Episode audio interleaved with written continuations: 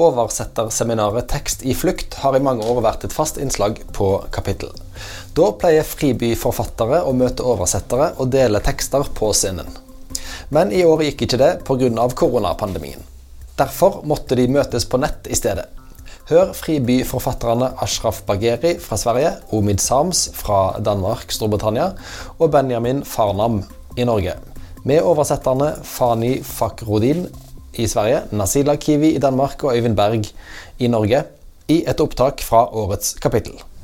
Well, welcome Ashraf Bagheri, Fani Fakhrudin, Omir Shams, Nasila Kiwi, and um, all of you others joining us from the UK, from Denmark, Sweden, and we are here in Norway. We've got Benjamin Farnham and Øyvind Berg, and my name is Johanna Front Nygren.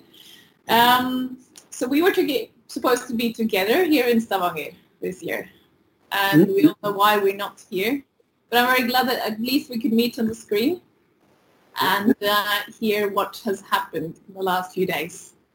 Um, and this is the sixth time that we had this translation workshop at Kapitel, but it was the first year it was supposed to be Scandinavian. And ironically, that was the first year when we couldn't have Scandinavian visitors. So we very much hope that we can maybe do this again next year with everybody present physically here in Stavanger. So at least here on Sölvberga, we have been working uh, the last two days translating some of Benjamin Farnham's poems into Norwegian. And I know that uh, Ashraf and Pani, you've been working in Uppsala, Yeah. translating Ashraf's uh, texts from Persian into Swedish. And then I think Omid and Nasila, you have been working from the UK and from Denmark on digitally, on online, to translate from Persian into Danish. So, so what we're going to do is we're going to have a reading of um, at least some of the texts that you have translated. And we'll start with um, Benjamin Farnham and Øyvind Berg.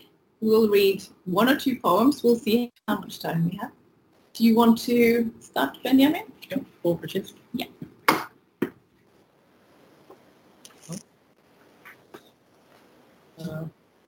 دیشب دیشب دلپذیر نبود دنیا به طرز عجیبی تنگ شده بود و آدمهای تویش را استفراغ می‌کرد. صدای هیش تیغ به, زری به زیر گلوها می‌کشید و تمام جاده ها یک طرفه شده بودند. دیشب بوی خون میآمد و گونه های زمین سرخ شده بود. یک دسته کبوتر سرخ خبر آوردند که در همسایگیت گلوی عشق را بریدند. دیشب خواب به چشم شب نمی آمد. دیشب تا صبح بیدار بود و به آب به آتش فکر می کرد. پاره پاره های امید خود را لای دیوارها می کشیدند و فانوس ها خود را به نبودن می زدند. هرچه بود آبای مرگزای ترس بود و ترس بود و ترس. دیشب پریشان بودی. آبی نداشتی لانه ای نداشتی دانه نداشتی کاشانه نداشتی حتی گور هم نداشتی. هرچه داشتی در مسیر باد بود آتش و سایه های کو و سایه های کوچ قطره قطره به روی بالهایت میچکید. دیشب تا صبح نشده صحنه خالی شد. دیشب هوا گرم بود. و آسمان بیش از هر زمانی به زمین نزدیکتر شده بود. نفسهایت به شماره افتاده بود و در یک خلع سرتاسری تمام جیر جیرک ها برایت آواز میخواندند. دیشب باران میبارید و پاییز روی زمین لم داده بود.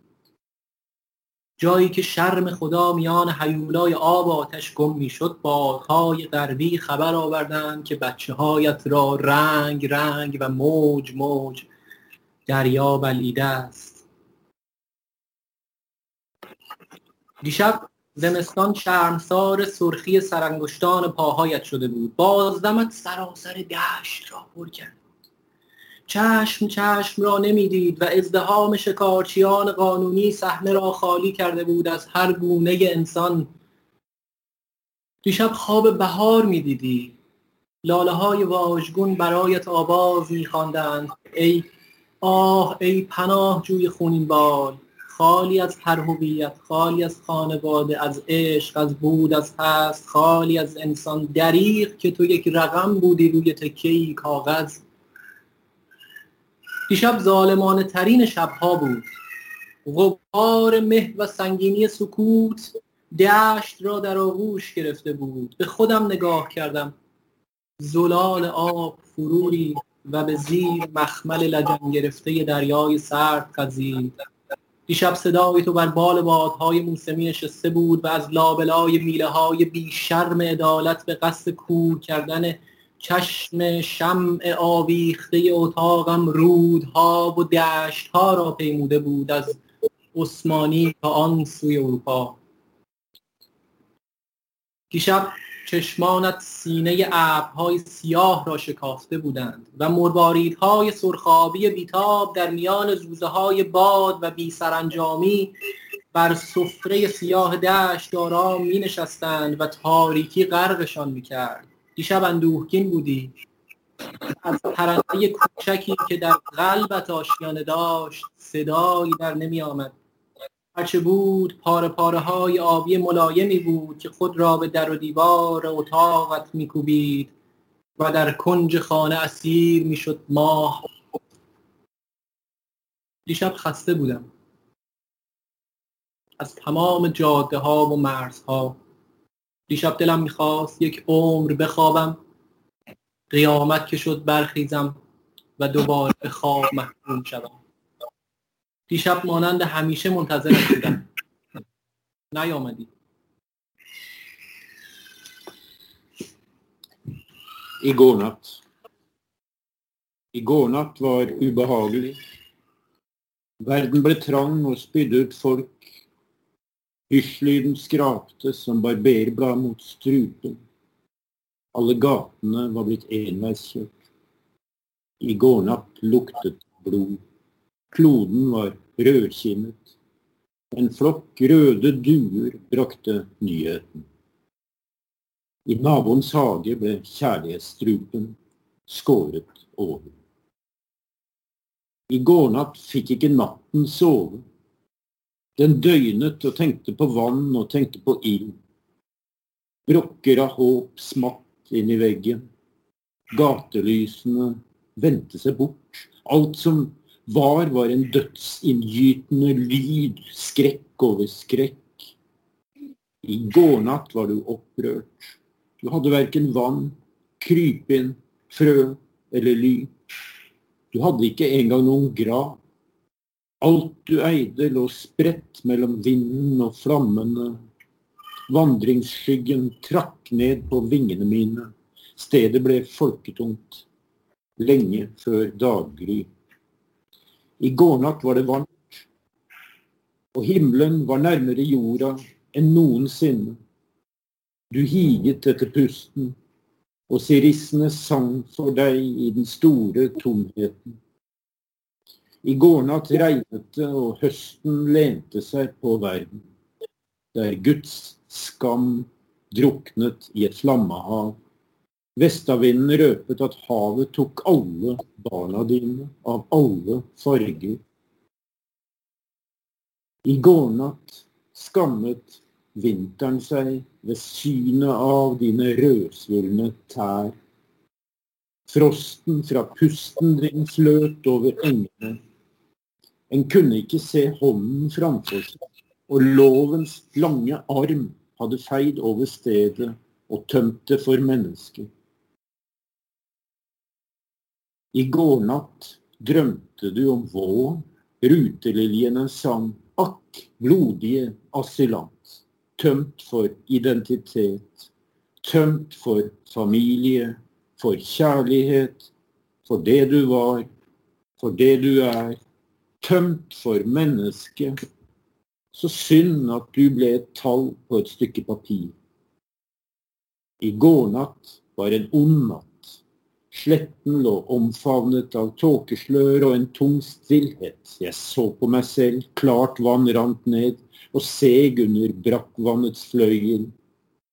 I går natt fløy stemmen din med monsunvinger gjennom den skamløse justisens gitre. For å blåse ut veken som hang i rommet mitt, hadde den krysset elver og sletter fra det osmanske riket til Europa. I går natt rev øynene dine opp de svarte skyenes brystkasse, og rastløse blårøde perler falt til ro i vindens uling, i villrede på det svarte steppeteppet, og ble slukt av mørket. I går natt var du sorgtung, og den lille fuglen i hjertet ditt var stille. Det var bare noe lyseblått opprevet som denget mot veggene. Månen satt fängslet i ett hjörne. I går natt var jag utslitt av gränser och vägar.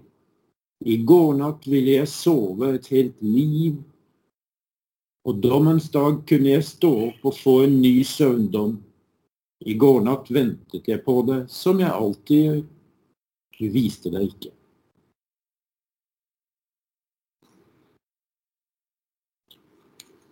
Det var det. Takk, takk. Et kort til, sier Johanne. Da kan vi ta henrettelse Ja, ta henrettelse. Eksekusjon. Mm. اعدام شب به شماره افتاده است کوچه تاریک آسمان آرام خیابان سرد. صدای اذان پرت می شود توی پنجره ها چراغی روشن می شود زمزمه ای جاری. وقت رفتن است. کپه های نور کف خیابان زیر پیشین های سیاهش لگدمال می شوند سکوت به رعشه می افتد کلاقی می پرد نسیم صبحگاهی بوی گوگرد می دهد عکس آقا در فاضلاب لخته های خون روی دیوار. زمان به سکسکه می افتد من خواب نور می‌بینم. او به من میخندد. من التماس نمی کنم او کار را تمام می کند Henrettelse. Natta tikker mot slutten. Mörkt smug. Rolig himmel. Kald gate. Bønneropet kastes på vinduene. Det tennes en lampe. Mumlingen begynner. På tide å gå. Lysringen på bakken trampes under svarte såler. Det er skjelvende stille. Ei kråke byxor. Soloppgangsbrisen lukter krutt. Lederens foto i kloaken. Blodflak på väggarna. Tiden hikker. Jag drömmer ett lys. Han smiler till mig. Jag trygler icke. Han avslutar jobbet. Thank you, Benjamin and Øyvind, for the reading. Now we would very much like to hear from Ashraf and Fami in Sweden. Okay. Låtban, uh, you jag vill uh, säga om um, min text är inte så kort om man behöver välja. kan du berätta lite? Okej. Okay. Som sagt, jag heter Fahran Fani och tolk och översättare till Ashraf. Eh, det är så här att Ashraf har skrivit en ganska lång text där eh, det handlar om eh, censurens situation i Iran och eh, har tagit upp några exempel av, några exempel av iranska kvinnliga poeter. Vår första fråga är att hur lång tid har vi på oss? För att om det skrivs på svenska och på persiska, jag misstänker att det, blir, det tar mycket mer tid än eh, den tiden som vår kompis har tagit på sig för att läsa de här två fina dikterna. Eh, Vi har, vi har som, som Siri sa, eh, 10 till 15 minuter för vart översätter författarpar. Så det vill säga att ni har 10 till 15 minuter eh, ja, tillsammans. Mm. Så om ni läser en, en liten en utdrag ehm, från texten så vill det vara jättefint. میگه رو هم رفته رو رخصت وقت داریم پس اینه که بهتره یک بخش از این انتخاب بکنید بخونید من این قسمت رو میخونم و قسمتی که مربوط به شعر هاست انتهاش okej Okej. Ashraf har valt att läsa lite av inledning och en del av mitten av texten. Först läser Ashraf bit för bit och jag läser på svenska efter hon har läst sitt. Jag måste passa på att säga att eh, jag har dyslexi när jag läser och därför vill jag be om överseende om jag inte läser Ja, lagom fort och lagom bra. självklart. بفرمایید. من از یک جامعه سانسور شده می آیم.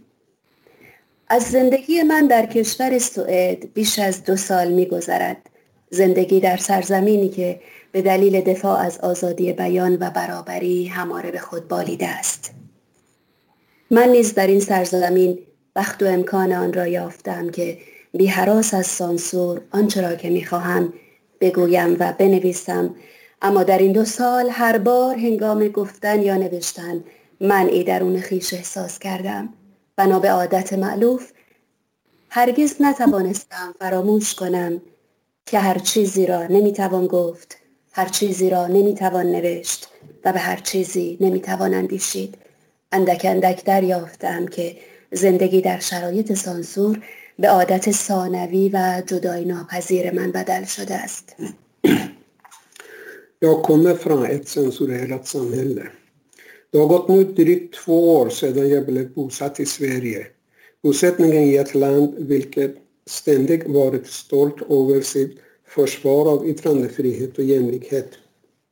Jag har fått chansen och möjligheten här att skriva och tala ut vad jag än önskar utan att oroa mig om att bli censurerad.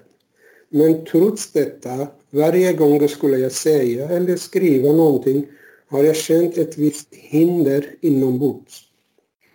Utifrån en gammal vana har jag än idag inte lyckats glömma att inte kan sägas, inte allt kan sägas, inte allt kan skrivas och inte allt kan tänkas på. Jag har alltså så småningom insett det att leva med censurens villkor har blivit min andra och oskiljaktiga vana. تا کنون نویسنده هنرمند یا پدید آورنده ای را در ایران ندیدم که اعتراف کند هنگام نوشتن یا فعالیت هنری و ادبی به سانسور نمی اندیشیده است. مگر آنان که به کلی از انتشار اثر در سایه قوانین جمهوری اسلامی انصراف داده عطای آن را به لقایش بخشیدند و به این طریق اعتراضشان را نسبت به سیستم حاکم اعلام داشتند. کسانی که اکنون نیز در انزوا زندگی می کنند و اثری از آنها در ایران انتشار نمی یابد. Hittills har jag inte sett en författare eller konstnär i Iran som medger att hen inte tänkte på censur när hen skulle skapa ett konstnärligt eller litterärt verk. Utan de som helt och hållet eh, vägrade publicera verket mot bakgrund av lagarna i Islamiska republiken och på detta sätt deklarerade sin protest mot regeringssystemet. Konstnärer som nu lever isolerat och inga spår av deras arbete publiceras i. روشن است که آنچه با نام سانسور و سرکوب از آن یاد می شود تنها متعلق به یک سرزمین یا یک دوره سیاسی و تاریخی خاص نیست و در جهان پیشینه ای دیرینه. Det är klart att det som nämns här eh, om, eh, som censurskap och förtryck inte tillhör bara ett visst land eller en viss politisk och historisk epok. Det har snarast en lång historia i världen. در ایران نیز به درازای تاریخ سیاسی این سرزمین سرکوب و سانسور وجود داشته اما بدیهی است که امروز مردم ایران یکی از سختترین دورانهای سانسور و سرکوب را تجربه می کنند. Iran har existerat undertryckande och censorskap under dess hela politiska historia. Men det är uppenbart att iranska folken upplever en av de hårdaste perioderna av censur och förtryck idag mer än någonsin. ممکن ما احتیاج داریم که از بخشی از مطلب بگذریم که زمان از اگر لازم میدونید مطرح Nu hoppar hon över en hel del واژه ها که text. آنها دزدیدن میتونیم این قسمت رو بخونیم Ja, می‌خواین بگین که بخشی رو گذاشتیم väldigt gott. Vi har hoppat över några sidor och nu väljer Ashraf att börja med en stycke med rubriken Orden som de har stulit. واژه هایی که آنها دزدیدند آین نامه هایی که وزارت فرهنگ و ارشاد برای بررسی یا بهتر بگوییم سانسور یک اثر استفاده می کند بسیار سختگیرانه است. Eh, regelverket som Ministeriet för kultur och vägledning använder sig av för eh, förhandsgranskning, eller rättare sagt censur, är oerhört hårda. در این وزارتخانه افرادی با عنوان معموران سانسور کار می کنند که وظیفه آنها این است که یک اثر مکتوب را بخوانند و بررسی کنند تا ببینند محتوای آن با قوانین جمهوری اسلامی مطابقت دارد یا نه. Pardon. مامور سانسور گاهی تصمیم می‌گیرد یک اثر مجوز چاپ دریافت نکند به این دلیل که این اثر از خطوط قرمز مشهود و نامرئی عبور کرده و محتوای آن به طور کلی با مقررات سانسور مغایرت دارد ممکن است شرایطی نیز وجود داشته باشد که مأمور سانسور با نویسنده به توافق برسند که کلمات، جملات، صفحات یا فصلهایی از کتاب تغییر یابند یا قبل از اینکه کتاب مجوز چاپ دریافت کند حذف شوند. På ministeriet jobbar personer, det vill säga censurshandläggare, vars uppdrag är att läsa och granska ett skrivet verk och se till om dess innehåll stämmer överens med Islamiska republikens spelregler eller inte. Censorshandläggare beslutar ibland att ett skrivet verk inte får tillstånd för publikation. Detta på grund av det skrivna verket har passerat de synliga och osynliga rådelinjer samt att dess innehåll allmänt sett strider mot censorsregelverket. Med det, men det kan också förekomma situationer då censurhandläggare eh, kommer överens med författare om vilka ord, meningar, sidor eller kapitel i boken ska ändras eller tas bort innan boken får tillstånd för publicering. Sänd äh, Raftar äh, Ri, låtsparen.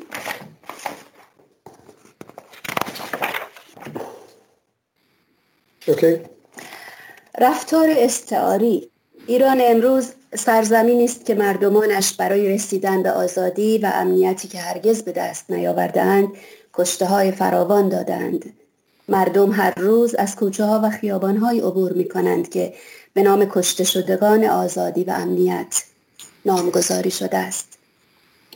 Dagens Iran är ett land vars folk har offrat mycket för att uppnå frihet och säkerhet. Utan uppnå det än.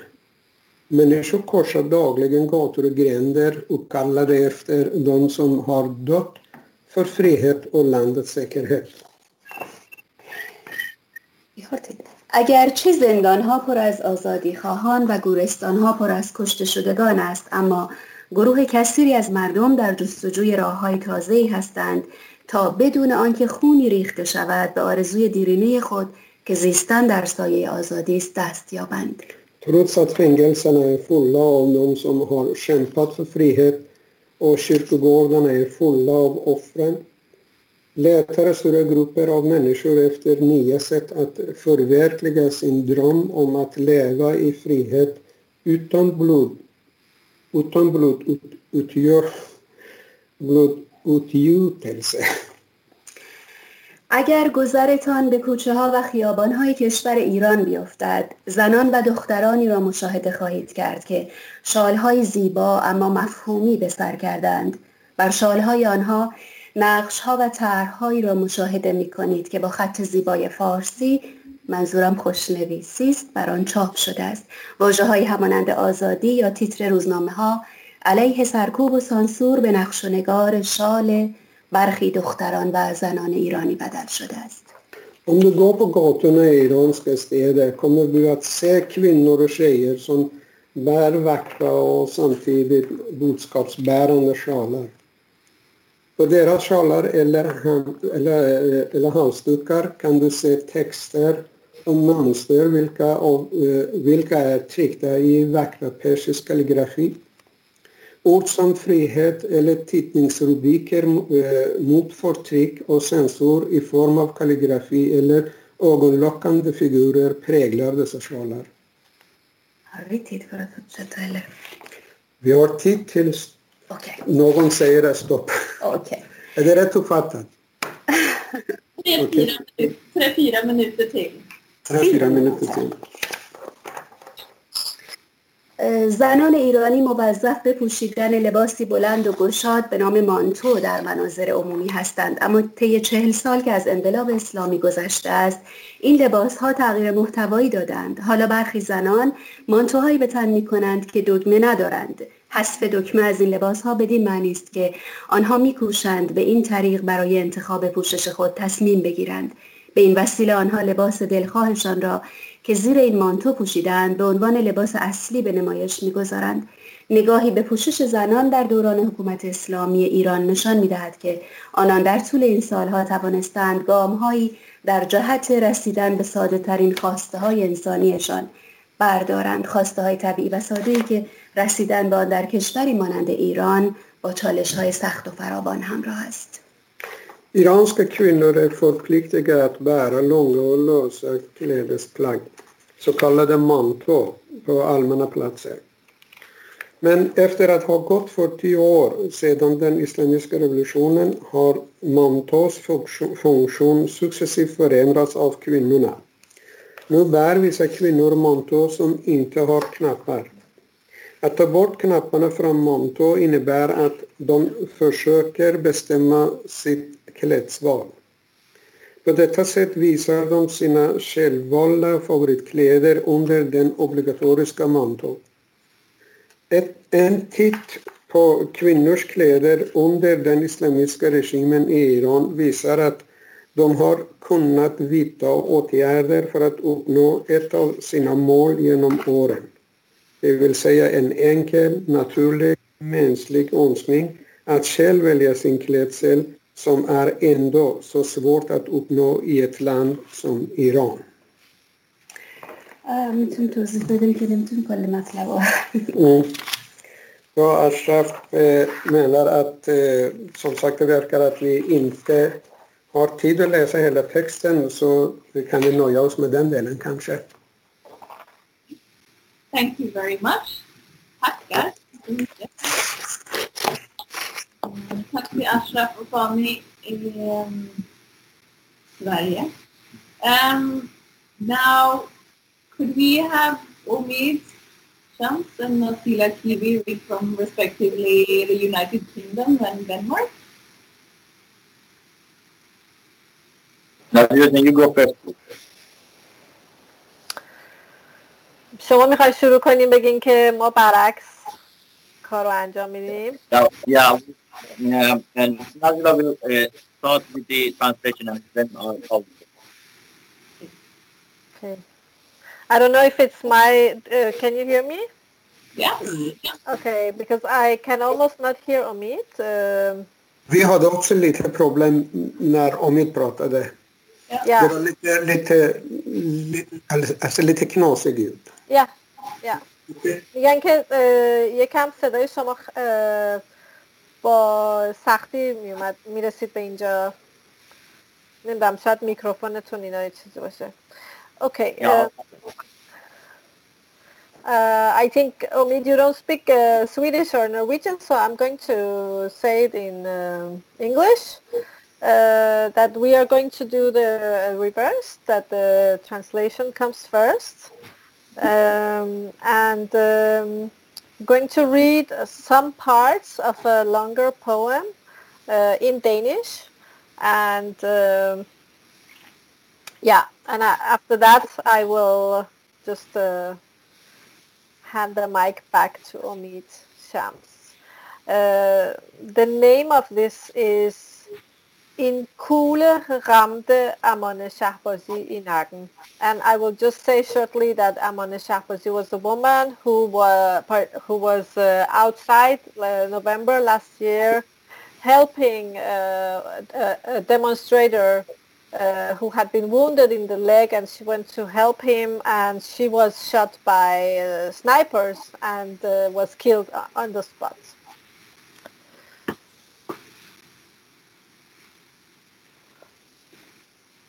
En kugle ramte Amrene Shahbazi i nacken.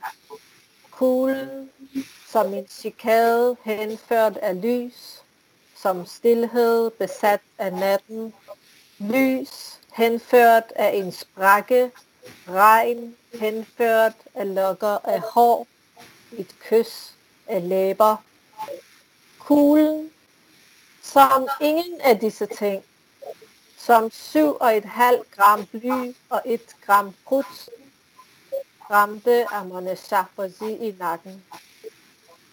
Kuglen passerede gennem Busty Hills, gennem 7 milliarder villaen, gennem mønternes og stenenes og jernets og sukkerets konger, gennem socialforsorgen, gennem Nirvarans forkontorer, gennem en villa i Lavazon og med en afstand på 235 meter, kommer syv og med et par knap så skarpseende øjne, fandt den blandt 5.946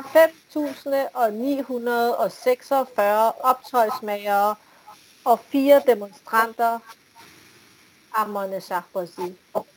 og betragtede hendes hænder, to grene af e lys, hendes ben, to søjler af røg, hendes skikkelse, som en blomst, der bryder gennem asfalten, hendes øjne og læber og varme mund og en kugle ramte Amone Shahbazi i nakken. Kuglen overbragte et kys fra et palads i Pastor fra en tagterrasse i Sarosiab til Amane Shahbazi. Amane Shahbazi, hvorfor var du ikke på caféerne i Elahie? Hvorfor bar du ikke en kaki overfrakke i respekt for en sovende revolution? Hvorfor lyttede du ikke Hvorfor lyttede du ikke til Namju i drømmen om en moderigtig socialisme, Hvorfor tog du ikke selfies foran godt og Apadana? Hvorfor overlod du ikke dit ansigt til sneglelotioner og aloe vera cremer? Hvorfor sendte du ikke din hals til Toronto og dine hænder til New York? Amone Shahbazi, hvorfor var du ikke blandt de delegerede på farmtrip? Istället I stedet var du i Sarosiop og var smuk. Som lysets fald på en kvindes hals, som er væve i springvand ind i natten, som når skammens finger når til skammens finger. Amane Shahbazi, hvorfor forærede du din nakke til revolutionen og dine hænder til dine børns tågede hukommelse, dit ansigt til historien og dine øh, lommer til staten. Hvorfor havde du hænderne i lommen på din frakke, der var købt på afdrag, og forærede oliebrøndene til USA og uranoxid til Israel? Hvorfor havde du ikke fortalt din tre og et halvt årige søn, at du tog til Tel Aviv om natten og til Haftape om dagen? Shabazi, hvorfor slår du ikke 500.000 ihjel i Syrien og 1 million i Yemen for siden at vælge freden i New York? Amane Shabazi, hvorfor var du ikke en sikker succes? Hvorfor var du ikke et palads til 70 milliarder? Hvorfor var du ikke en kvist, men et træ? Hvorfor var du ikke tålmodighed, men en sten? Varför var du ikke en sten, men et bjerg? Hvorfor var du ikke krigsmodstander, men krigsskueplads? Hvorfor var du ikke vand, men ild? Hvorfor var du ikke et fatamorgana, men vand? Amane Shahbozi, hvorfor, hvorfor var du i Sarosiop og var smuk? Som når kys lander på et læme, som blodets susen i ørerne, som Furugs spejl, som Nimers hanekam, som månens stemme, som en vej. I won't be speaking in Farsi today. My mother tongue is all I've got, the only precious thing I could save and bring with me from my homeland, so I can't use it where it only sounds like an exotic music. Instead, I'll speak in a language which you'll understand. I'll also refuse to be a museum of suffering for those of you who crave for an oriental pain exhibition or an ornamental sideshow that satisfies the Orientalist sentiments. Instead, I'll take the opportunity to address the problems that contribute to my suffering, our suffering. I'm not going to recite any poetry today as well. I'll tell you why. Let me remind you of what Theodor Adorno, another writer in exile, once said. After Auschwitz, writing poetry is barbaric. I do not agree with him, but I do believe that reciting poetry where Auschwitz has been forgotten is more than barbaric. But why Adorno claims such a thing? Because writing is essentially intertwined with hope. Writing is failed speech, an impossible speech. Your right when speaking is impossible. Impossible either because no one is listening or because you're prevented from being heard. Writing is hopeful. You write hoping that one day someone will read. And writing poetry implies having hope for humanity, hoping that one day humanity will be saved. But for those who witnessed Auschwitz, for those who created it, and for those who simply watched it like a sad drama, there was no hope. And there is no hope, and there will be no hope for humanity, not when Auschwitz is forgotten, and yet it's right in front of us. Poetry originates in shamans' incantations, words and chants which were anything but ornamental or artistic. They were tools for saving lives on earth. Lives of people, animals, forests, lakes, and lagoons. What shamans used to do was interfering with the laws of reality to trying to change them, bringing the rain, repelling the storm, easing the pain, and healing the wound. None of this will come out of reciting poetry in this event, when Auschwitz of all time is nothing to many of you but another sad story in your newsfeed which will fade in oblivion the day after. The Auschwitz has been forgotten while it is right in front of us. No, I'm not going to say that the Middle East is the Auschwitz of all time, or an image of a dead child on seashore is the Auschwitz of all time, or the mass executions happening right now in Iran by the butchers whose hands are warmly shaken by your shameless leaders is the Auschwitz of all time.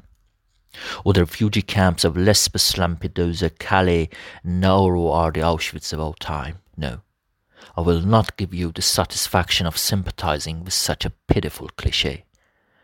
The Auschwitz of all time is the image of you sitting in your living room watching all this, doing nothing but thinking this is sad yet normal, and it has nothing to do with you. Auschwitz of all time is the image of you coming to us only to hear some beautiful lamentations whenever you need to console yourself or to prove to yourself that you care. You don't care when you don't spit on the face of your elite who support the Iranian theocracy just because they are so incredibly foolish to think that mullahs are fighting imperialism. Auschwitz of all time is empowered by your leftists who think that leading socialism is their birthright, while they keep losing to fascism so hard that the only thing left from the left in Europe is their stupid red shirts and scarves which they bought them from Amazon. Meanwhile, our socialist workers in the Middle East and North Africa, those forgotten for good, have been creating the most progressive methods to fight the most horrible forces of all times, and they push them back, even if only for a few centimeters. The Auschwitz of our time is empowered by your far right retards who think that the one who fucked them over is a Sudanese refugee, his wife and two children, not the gargantuan corporation called the EU that has drained the life out of the working class in whole Europe and is in bed with every single dictator on planet Earth. Auschwitz of all time is the image of you cheering for your leaders wearing a scarf, taken selfie with the Iranian foreign minister on the same day that a 20-year-old Iranian feminist who posed compulsory hijab is sentenced to 20 years in prison. Auschwitz of all time is the image of you thinking that solidarity with the people of Iran, Iraq, Yemen, and Syria means supporting the shittiest religious ideas imposed on them throughout the centuries of slavery and exploitations as their inseparable identity. Auschwitz of all time is the EU's bullshit statement about execution of an Iranian athlete Navid Afkari. If you don't know him, then you just proved my point. A statement that even those who wrote it would laugh at it. Because the essence of Auschwitz is silence in the face of evil. It is the normalization of suffering as the inherent fate of a certain group of people. There is no place for poetry here, because there is no hope when you cannot stand firm and united for the humanity and stop your leaders from looking the other way or from whitewashing the bloody hands of dictators.